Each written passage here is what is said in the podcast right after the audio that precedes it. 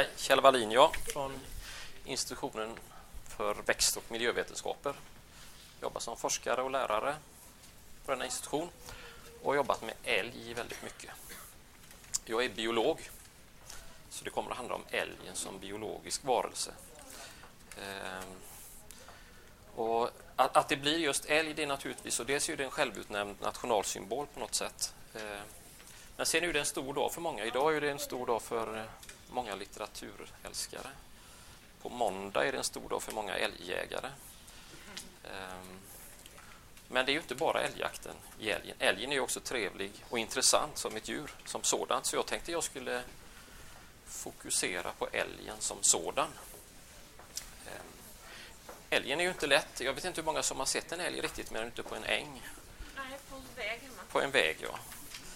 Några har sett dem så, det är så man upplever det. Men älgen är nästan aldrig sådan att man kan se den mer än att den står på en öppen plats och där vill den helst inte vara. Den vill helst vara i skogen. Eh, vi har jobbat mycket med älgarna genom att märka dem. Vi sätter halsband på dem och radiosändare. Så vi har följt hundratals älgar, vad de gör. Vi sätter öronmärken på deras kalvar till exempel för att kunna följa vad som händer. Eh, och då ser man att en älg går aldrig ur skogen i princip mer än kanske precis nu under den här tiden. Då födan förändras. Året förändras ganska mycket för en älg just nu. De är ju växtätare. Tvingade att jaga föda hela tiden. Som alla växtätare har ju de problem med födosituationen. Man måste stoppa i sig mycket. Ni vet hur kor håller på, de käkar hela tiden. Så är det med älgen också. Och vad som händer just nu är att kvaliteten på födan förändras. Vi går från en sommar till en vinter som gör att födosituationen förändras radikalt. Världen ser annorlunda ut för en älg idag än vad den gjorde igår. Och den måste tackla det. Eh, och Det gör den på många olika sätt. Den byter mat till exempel. Från att äta löv, kvistar och så vidare till att bara äta kvistar. Den förändrar också sin fysiologi med detta. Eh, jag vet inte om ni har tänkt på det, men eh, på vintern ser ni de här älgpärlorna som man säger. Runda, hårda kulor.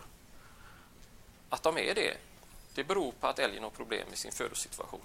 Den har inte näring så, det, så den klarar sig egentligen. Och då har den en slags optimal process för att hantera den här födan. Det vill säga att håller på födan. Man stoppar i sig en kvist, man håller och suger på den så länge man bara kan. Och kvar blir då, då en torr liten pärla kvar. På sommaren däremot då är det gott om föda, födan är proteinrik och innehåller mycket saker. Och då gör den koblaffor precis som en vanlig ko. Då har vi inga sådana pärlor längre. Vi ser nästan aldrig de här högarna då heller. Eh, problemet att inte kunna observera älgar är naturligtvis forskarens dilemma. Eh, genom våra radiomärkningar så vet vi från allmänhetens rapportering då hur lång tid det tar att se en älg. Ungefär att se en enskild älg tar 1500 timmar. Vilket gör, som ni antar att ni förstår, det är jättesvårt att observera. Det är därför vi behöver de här radiosändarna på dem. Vi jobbar naturligtvis med annan teknik också. DNA-teknik till exempel, eller man plockar urin ur snön för att titta om de är gravida eh, genom östrogenkoncentrationer och så vidare. Så vi försöker på alla sätt att tackla detta problem. Så de data, som, den informationen vi har kommer från de här radiomärkta älgarna. Och I praktiken innebär det att de ger ifrån sig en signal hela tiden så vi kan följa dem. Vi smyger in på dem regelbundet, tittar vad de gör, eh, hur de beter sig, hur stora områden de arbetar på. Eh, och speciellt, och kanske det mest intressanta, då är själva reproduktionen. Då. Ehm, som populationsbiolog som jag är då, så är man intresserad av att kunna förstå hur utvecklingen är av en population. Vilket är viktigt eh, i samband med jakt till exempel. Hur mycket kan man jaga älgar för att hållbart då sköta en sån här population? Hur mycket kan man plocka ut ur den? Ja, det har naturligtvis, på att, eh, har naturligtvis med att göra med vilken födelsehastighet som finns i populationen. Det vill säga hur mycket unga produceras regelbundet. Det är en av våra viktiga uppgifter att ta reda på. En annan viktig uppgift är naturligtvis förlusterna som sker i naturen av älgarna. Och vi människor står för den stora förlusten av älg. Eh, om man tar... Eh, och det är ju jakten som står för det nästan allt. Lite bil går åt, lite, tar lite älgar och lite tåg och så vidare. Eh, men för till exempel en älgko då, så är chansen under sitt liv att bli dödad av just en människa är 80 procent. Så 80 procent av alla älgkor blir eh, dödade av oss. Så vi, vi, vi påverkar ju dem väldigt mycket. De lever i en miljö där vi har stor betydelse. Och Är man då tjur så är det ännu värre, för det är 95 procent av tjurarna som blir dödade av människan. Då kan man fråga sig varför är det en sån skillnad? Ja, det har med jaktens utformning att göra. Jägarna är ju måna om att det ska finnas kor kvar i, i populationen. Vilket naturligtvis innebär att de inte är lika benägna att skjuta kor som, skjuta kor som tjurar. Och håller igen bussan verkar det som i alla fall. Och medvetet på många sätt. Det innebär att i och med att korna inte blir skjutna lika ofta så kommer de naturligtvis ha en större risk att dö av någonting annat. Vi kallar det för att det finns risker som konkurrerar med varandra. Och då kommer naturligtvis korna i det här fallet att dö av någonting annat än jakt. Eh, och Det var bland annat det som hände i Älvsborg. Jag vet inte om ni har hört talas om den här Älvsborgssjukan. Den var sådan att korna började dö och ligga döda i skogen. Och Skälet till att det blev så var mest troligt, och alla data tyder på det i alla fall, att jägarna i området slutar skjuta korna. Och då helt plötsligt måste de dö av någonting annat. Och då dog, dog de en naturlig död om man betraktar våran död som onaturlig, vilket den naturligtvis inte är. Vi är väl ganska naturliga vi också, så att det är väl okej. Okay. Och Det innebär helt enkelt att de åldrades och dog av sig själv. Och det känner man inte till hur det såg ut och det är därför man upptäckte den så kallade Älvsborgssjukan. Älgarna har nämligen ett enormt åldrande. När de kommer upp i en 12-15 år så sker en kraftigt åldrande och nästan inga älgar når 20 år. Eh, så när de ligger på en 17-18 års ålder så är risken lika, dö, lika stor att dö av en vanlig död så att säga som en eh, av jakten då, som är den huvudsakliga dödsrisken trots allt. Åldrandet tar ju sig många uttryck, då, till exempel blindhet. Men en viktig bit är också att tänderna slits ut fullständigt. De klarar inte att tillväxa, de här tänderna. Ehm, då är frågan, hur tacklar de det här med den andra sidan, reproduktionen? Och kalvningen är ju en viktig bit i det hela. Kalvningen sker under våren i slutet på maj. Vare sig man är i södra Sverige eller i norra Sverige så sker den ungefär samtidigt. Och vi har ju följt många individuella kor år för år och kunna titta på dem. Och till exempel är det så att de föder nästan vid samma tidpunkt varje år. Samma ko kommer att föda vid samma tidpunkt. Eh, så de är, vad ska man säga, kalvningen beror på individen framför allt. Vi trodde att det var så att ja, det var väl viktigt att tajma födseln med födosituationen. och så. Men om man jobbar uppe i Västerbotten till exempel som vi har gjort, då föds kalvarna när det finns inga löv, bara kvistar och fortfarande ganska mycket snö ibland. Här nere föds de ungefär samtidigt, lite tidigare. Men då är skogen helt grön och det finns massor av föda. Och födan är ju viktig. De här kalvarna har, när de, efter de har fötts så börjar tillväxten och den är enormt stor. Eh, ungefär ett ett, och ett halvt kilo per dag är tillväxten. Ja, så att 10 kilo på en vecka ungefär är drygt. Och Det gör ju också att de är väldigt tunga. När det blir höst redan så väger de en 150 kilo. kan göra. Och Det ska vi jämföra med våran tillväxt till exempel. Normalt sett så är det så också att korna har lite problem att föda. De måste skaffa sig erfarenhet och de blir äldre. Och det gör att den här födelsen av kalvarna beror väldigt mycket på åldern på korna. Speciellt i norra Sverige. Eh, de flesta föder inte förrän vid två, och tre års ålder där uppe. Här nere är de i full gång redan vid tre års ålder. Medan i full gång, det vill säga de föder som mest, är upp 6, 7, 8 år uppe i Västerbotten till exempel. Och Det har säkert att göra med den födosituation de har. Älgarna klarar inte vintern. De går ner i vikt. Från den här tiden nu, november, så kommer de att minska i vikt successivt. ända fram till det blir lövsprickning då de kan skaffa sig en bättre födosituation.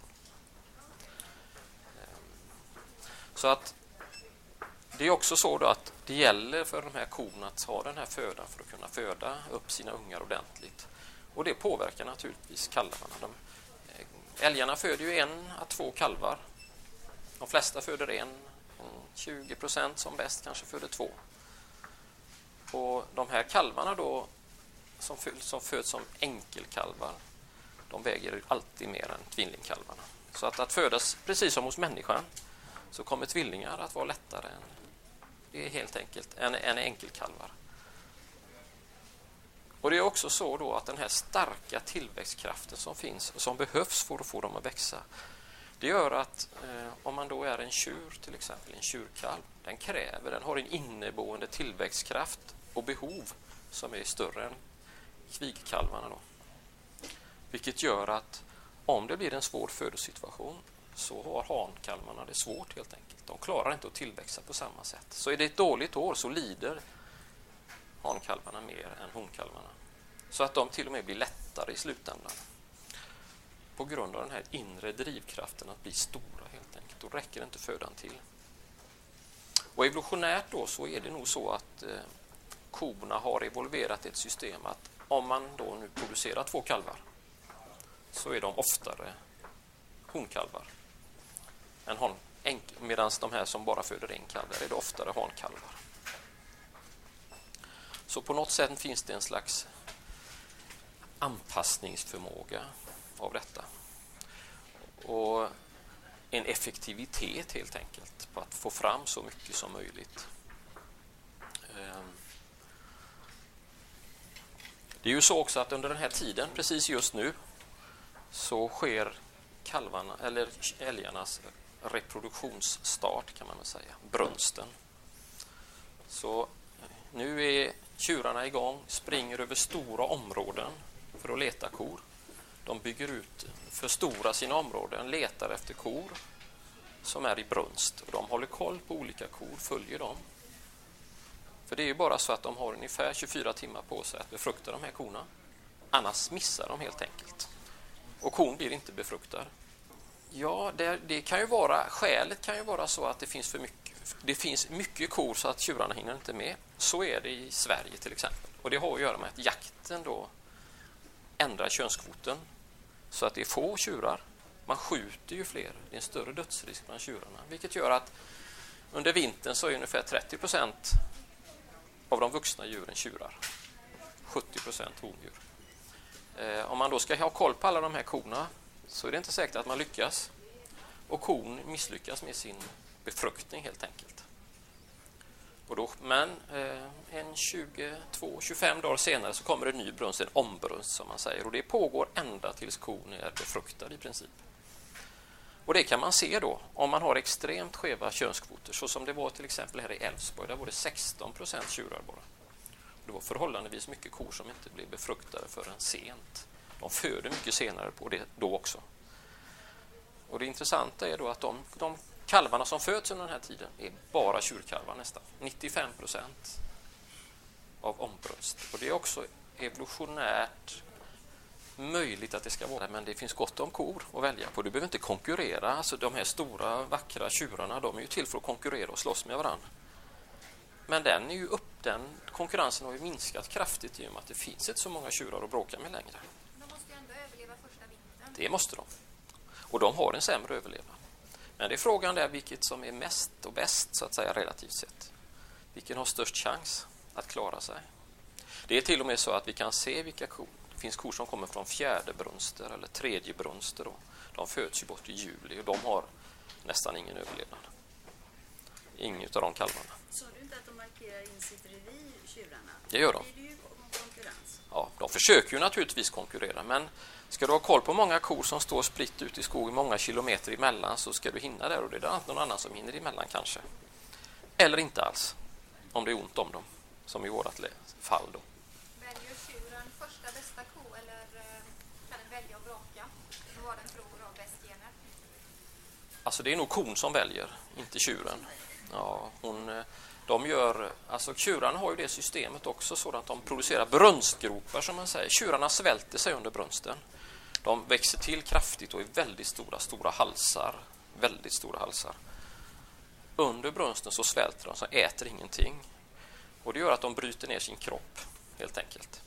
Och så urinerar de i brunstgropar, som man säger. Och där är honorna. De samlas vid de här olika hålen och luktar på de här, som man tror då är en signal över hur bra den här tjuren är.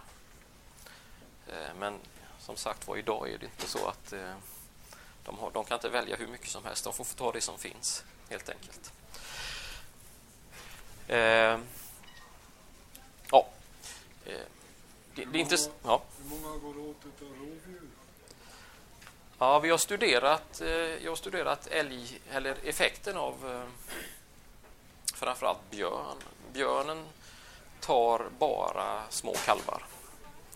Nästan inga vuxna. Det händer att de tar, men inte så att det är märkbart. Det är mindre än en, en promille ungefär av de som finns idag. Eh, däremot tar den en 15 procent av de nyfödda kalvarna. Så den dödlighet som björnen orsakar är tidigt i livet, bara fram till augusti. Sen finns det nästan ingen dödlighet av björn. så att säga. Jo, och sen har vi vargen då som har kommit in nu och som börjar tillväxa och ganska, börjar bli vanligare och vanligare. Den är ju tuffare på, på eh, älgen. Men även här, till skillnad från till exempel i Nordamerika, så verkar det som att de tar i huvudsak kalvar, fast då lite större kalvar. Det sker under vintern framför allt. Eh, men inverkan, älgen påverkas inte så. Så kraftig är inte dödligheten i form av de här rovdjuren ännu. Eh, av varg så att det är något jättestort bekymmer, vilket jägarna ofta vill påstå. Och Det har att göra med att vi har en stor älgpopulation. Om, om vi halverar älgpopulationen från idag eller lite mer, då kommer vargen att ha betydelse för älgen. Men idag är det marginellt. Det är en liten konkurrens naturligtvis mellan älg och, och varg och älgjägare.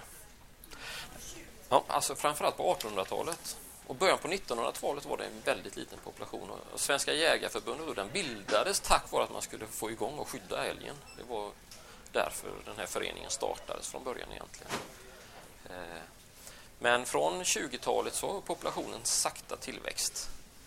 Och eh, under 40, 50, 60 så tog det riktigt fart och det har ju som en viktig del att göra med eh, den födosituation som älgen hamnade i. Det vill säga att skogsbruket började producera de här hyggesbruk, stora hyggen, vilket ger väldigt mycket föda åt älgarna. Men den verkliga stora tillväxten berodde faktiskt på att jägarna bytte sin strategi att skjuta älgar och började spara kor.